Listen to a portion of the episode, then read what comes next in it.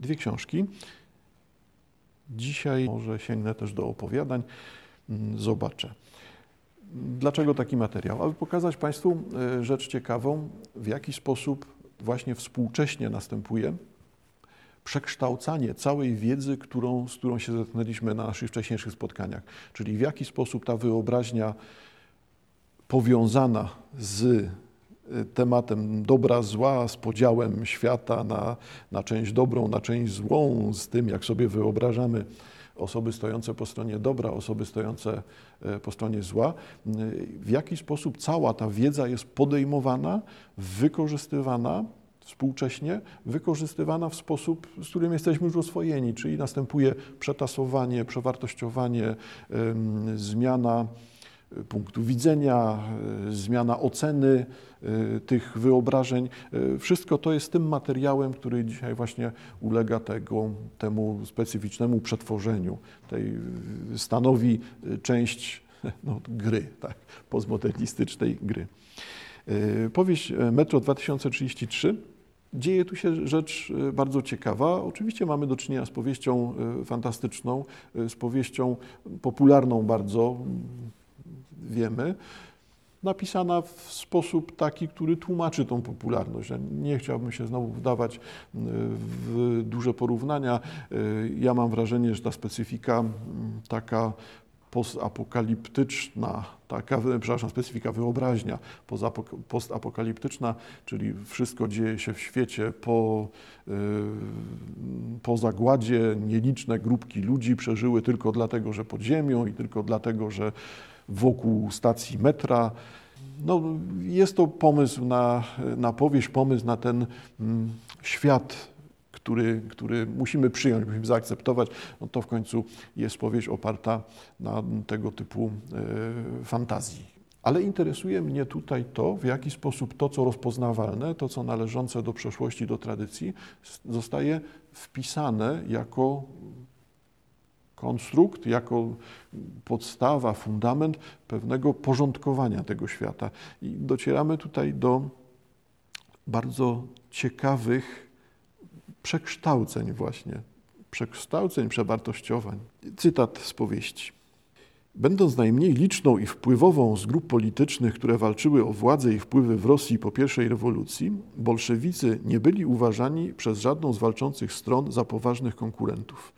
Nie posiadali poparcia chłopstwa i opierali się jedynie na, jedynie na nielicznych zwolennikach wśród klasy robotniczej i w marynarce.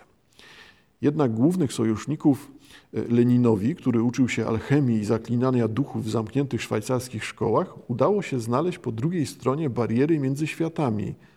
Wtedy, w tym okresie, pierwszy raz pojawiają się pentagramy jako symbole ruchu komunistycznego i Armii Czerwonej.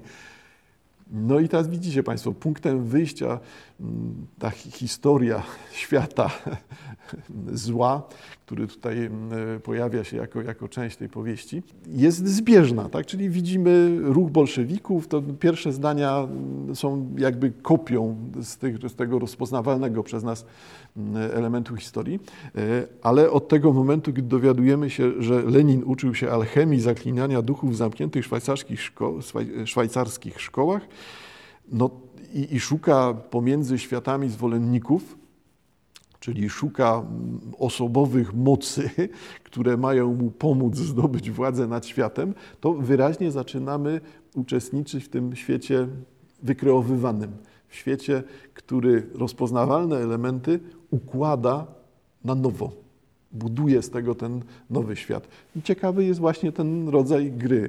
E, owszem, dla większości z nas pewnie e, Lenin jako wysłannik szatana no to jest zrozumiały sposób myślenia, zrozumiały sposób oceny tej historycznej postaci, którą no, będziemy jednak postrzegali jako jednego z autorów zła totalitaryzmu e, sowieckiego. I rozumiemy, że to jest metafora określająca zło, tak, zło realizowane, czy zło w wyniku decyzji e, działań e, Lenina. E, no a tymczasem tutaj ta metafora staje się udosłownioną rzeczą, czyli Lenin wpływ na świat uzyskuje za sprawą tych osobowych mocy zła. Pentagram, dalej cytuję, e, pentagram to, jak wiadomo, najbardziej rozpowszechniony i najłatwiej dostępny dla początkujących typ portalu między światami, który pozwala przedostać się do naszej rzeczywistości demonom. Przy tym autor pentagramu, umiejętnie go wykorzystując, zdobywa kontrolę nad wezwanym do naszego świata demonem, który jest odtąd zobowiązany, by mu służyć. Zazwyczaj, żeby lepiej kontrolować przyznaną istotę, przyzywaną istotę, wokół pentagramu wyznacza się ochronny krąg, aby demonom nie mógł, e, demon nie mógł przekroczyć jego granicy. Ta wykładnia, którą teraz słyszeliśmy, jest niczym innym jak powtarzaniem no, dość obiegowych, tak, takich uproszczonych, tym niemniej e, powtarzaniem e, zapisu działań prowadzonych w celu e, przywoływania złych duchów. Stąd to rysowanie pentagramów, e, stąd te uwagi o portalach. Czyli znowu mamy do czynienia z dość banalnym powtarzaniem, czyli nic nowego. No ale nowe jest to, że widzimy tutaj czarną magię jako wyjaśnianie komunizmu, tego historycznego komunizmu. A to już jest rzeczą nową, nową, nie w sensie oceny komunizmu, tylko nową w sensie tego udosłownienia, że symbole komunistyczne są symbolami tożsamymi, symbolami y, czarnoksięskimi. No to dalej. Nie wiadomo, jak dokładnie przywódcom ruchu komunistycznego udało się dokonać tego, do czego dążyli najpotężniejsi czarnoksiężnicy wszystkich czasów ustanowić kontakt z demonami, władcami, którym podlegały całe hordy ich pomniejszych braci. Specjaliści są przekonani, że to sami władcy, wyczuwając nadchodzące wojny i największe rzezie w historii ludzkości, zbliżyli się do granicy między światami i przyzwali tych, który, którzy mogli im pozwolić zebrać żniwo ludzkiego życia. W zamian obiecali im wsparcie i ochronę. Historia z finansowaniem bolszewickiego kierownictwa przez niemiecki wywiad jest oczywiście prawdziwa, ale byłoby głupio i naiwnie uważać, że tylko dzięki zagranicznym pomocnikom Leninowi i jego towarzyszom broni udało się przechylić szalę historii na swoją stronę. Przyszły komunistyczny wóz, wódz miał już wtedy protektorów nieskończenie silniejszych i inteligentniejszych niż oficerowie wywiadu wojskowego wilhelmińskich Niemiec. Czyli przyczyną sukcesu komunistów nie jest ta dyskusja, czy komuniści nie są przypadkiem e, finansowani przez siły zewnętrzne, albo w drugą stronę, czy wszystko to nie jest właśnie dogadaniem się sił międzynarodowych i przepływem pieniądza, który miałby finansować działania komunistyczne. Y, nie ten temat, chociaż jakby kusi mnie, żeby teraz Państwu pokazać, że przecież ten popularny w ostatnich latach serial, bardzo ceniony y, przez widzów, serial Babylon Berlin, pokazuje podobny sposób myślenia. Oczywiście, że w drugą stronę, bo tam pieniądze przepływają w innym kierunku, ale ten sam sposób myślenia. Babylon Berlin są zapisem Babilonu i Berlina, czyli w jaki sposób te moce zła, moce złych bogów, przywódców sił ciemności, tego co łączylibyśmy z Babilonem w takim właśnie ujęciu biblijnym, e, stają się siłą napędową Berlina. Tak. Wobec tego mamy podobne wyjaśnienie. Podobne wyjaśnienie, które czytamy tutaj e, u Glukowskiego, z którym spotykamy się u Glukowskiego. Szczegóły tajnej umowy, cytuję dalej, szczegóły tajnej umowy z siłami ciemności są oczywiście niedostępne współczesnym badaczom. Jednak ich rezultat jest znany. W krótkim czasie pentagramy pojawiają się masowo na flagach, nakryciach głowy żołnierzy Armii Czerwonej i na jej nielicznym na razie sprzęcie wojskowym. Każdy z nich otwierał bramę do naszego świata demonowi obrońcy, który chronił posiadacza pentagramu od ciosów z zewnątrz. Jako zapłatę demony wedle zwyczaju otrzymywały krew w samym XX wieku według najskromniejszych obliczeń w ofierze złożono około 30 milionów mieszkańców Rosji. Zauważcie Państwo na to, e, zwróćcie Państwo uwagę na to, na czym tutaj to przekształcenie polega. Mamy dziesiątki milionów ofiar Rosjan, przy czym widzimy, że nie jest to tak, jak chciałyby podręczniki historii, czyli są to ofiary wojny, tylko są to ofiary złożone dla sił zła, co w paradoksalny sposób, czy też w tej logice przyjętej tutaj, tłumaczy ilość ofiar e, po stronie e, Sowietów w czasie II wojny światowej. O, czy w czasie II wojny, w tych dziesięcioleciach poprzedzających II wojnę. Co się dzieje wobec tego dalej w tej, w tej właśnie wyobraźni e, Glukowskiego? Umowa z władającymi przyzwanymi siłami bardzo szybko się opłaciła. Bolszewicy zdobyli utrwalili władzę i chociaż sam Lenin, będący łącznikiem między dwoma światami, nie wytrzymał i zmarł w wieku zaledwie 54 lat, pochłonięty od środka przez piekielne płomienie, następcy kontynuowali jego dzieło bez wahania. Czyli widzimy ten akcent bardzo wyraźny. To jest otwarcie na zło. Niby to jest coś nowego, ale w rzeczywistości zauważcie Państwo, że to jest tylko udosłownianie metafor. To, w jaki sposób określalibyśmy te szatańskie moce ciemności zła, to okrucieństwo, niech będzie Armii Czerwonej chociażby, to jest tutaj tylko przełożone na obraz. Czyli umówmy się, że to nie jest metafora, zobaczmy w tym rzeczywistość. Wobec tego nie chodzi o to, że Lenin był złym człowiekiem, czy też z powodów jakichś wewnętrznych e, motorów, niezaspokojonych pragnień, e, kompleksów e, doprowadzał swoimi decyzjami do powstania tego systemu komunistycznego, tylko Lenin, Lenin jest bramą dosłownie zła.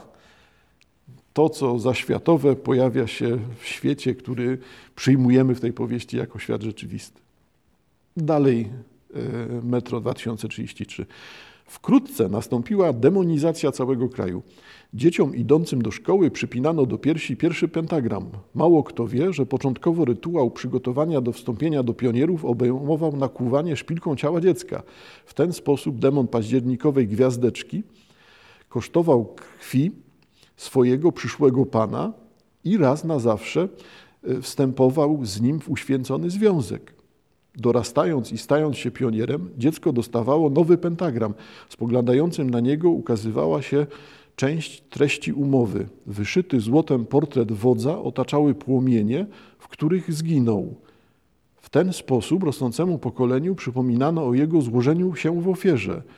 Potem był komsomą, aż wreszcie przed wybranymi otwierała się droga do kasty kapłanów, czyli partii komunistycznej.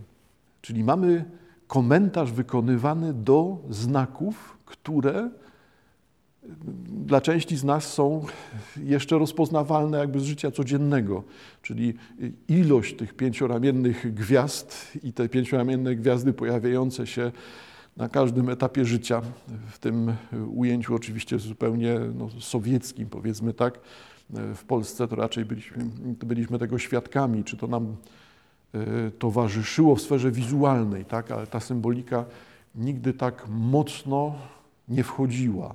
No i teraz mamy właśnie ten elegancki moment, kiedy możemy powiedzieć i dlatego ocaleliśmy. Nie sprzedaliśmy duszy diabłu, nie staliśmy się istotami, które są drogą dla demonów. No i to różni w takim razie nas współcześnie jako Polaków od e, współczesnych spadkobierców systemu mm, komunistycznego, sowieckiego, dawnych Sowietów, czyli, czyli Rosjan no i tych państw satelickich dzisiaj, e, gdzie ta demoniczność byłaby widoczna do dzisiejszego dnia. Ludzie kochają świat czerwonych gwiazd. Do dzisiaj kochają. W tamtych państwach zakładam. Miliony przywoływanych duchów, dalej cytuję, miliony przywoływanych duchów chroniły wszystko i wszystkich w państwie sowieckim. Dzieci i dorosłych, budynki i maszyny, a same demony władcy usadowiły się w olbrzymich rubinowych pentagramach na wieżach Kremla, dobrowolnie godząc się na uwięzienie w imię powiększenia swojej potęgi. To właśnie stamtąd rozchodziły się po całym kraju niewidzialne linie pola siłowego, powstrzymujące go przed popadnięciem w chaos i podporządkowaniem, e, podporządkowujące jego mieszkańców woli lokatorów Kremla. W pewnym sensie cały Związek Sowiecki zamienił się w jeden gigantyczny pentagram, którego ochronnym okręgiem stała się granica państwa. I tak dalej, bo dalsze ciągi już dotyczą tutaj zapisów komentujących starcie pomiędzy siłami czerwonymi i czarnymi pomiędzy pentagramem a trzecią Rzeszą. Zostawiam już zainteresowanym, bo dalej będziemy widzieli podobne rozwiązania. Także tutaj w tym proponowanym nam świecie powieściowym będziemy mieli do czynienia z realizacją tych samych reguł. Także to, co służyło do metaforyzacji oceny, tak jesteśmy z tym oswojeni, e, tutaj staje się światem powieściowym, światem, który w obrębie tych realiów musimy akceptować jako rzeczywisty, no bo taka jest specyfika tutaj powieści fantastycznej. Każda powieść fantastyczna proponuje pewien, pewną budowę świata, opartego na danych warunkach. Wobec tego musimy też rozumieć te warunki i trudno jest z nimi dyskutować, bo wtedy no, traci sens. Po prostu zaczyna to dla nas być chyba jakąś no, śmieszną historią, a nie uczestniczymy w tym świecie powieściowym. Tak? No, tutaj mm, no, idea obcowania z literaturą polega na tym, że te warunki e, wejściowe trzeba przyjąć, nie? trzeba je zrozumieć, trzeba przyjąć. E, dla mnie e, Metro 2033 no, ciekawy rodzaj takiego właśnie podjęcia wyobraźni, kiedy to, co mamy oswojone, to w jaki sposób rozumiemy demoniczność, czarnoksięstwo, siły zła, staje się tutaj e, elementem działającego świata, elementem, który wchodzi w interakcję, e, osobą e, nie nadprzyrodzoną, tylko elementem świata, w którym trzeba, w którym prowadzona jest fabuła, w którym trzeba podejmować decyzje, wpływać na przebieg zdarzeń. Mówię oczywiście o punkcie widzenia postaci literackiej. Ciekawe przekształcenie. Czy mogę tak bezwzględnie polecić Metro 2033? Jako, no brutalnie mówiąc, czytadło? Tak, no ale sami Państwo widzicie, że jednak nawet te pomysły przed chwilą przeze mnie zarysowane, one y, nie mają charakteru jakiegoś szalenie odkrywczego. No, oparte są właśnie na, na prostym przekształceniu, prostym przejściu. Odkładam powieść Lukowskiego i sięgam po przykład z naszego podwórka. Aneta Jadowska. Już się uśmiecham, ale żebyście Państwo zrozumieli, na czym będą polegały tutaj moje uwagi, no to jednak zacznijmy od tego, e, ale o co w ogóle chodzi. No z obszernej twórczości Anety Jadowskiej e, sięgam do tego, przyjmę tak, założycielskiego cyklu powieściowego poświęconego policjantce, od tego byśmy musieli zacząć, policjantce Dorze Wilk. Dora Wilk. Na okładce widzimy oczywiście bardzo ciekawą rzecz, czyli poza rudą, a jakże panną, w sensie tych znaczeń, które za chwilkę będą się pojawiały, podkreślam to, to a jakże.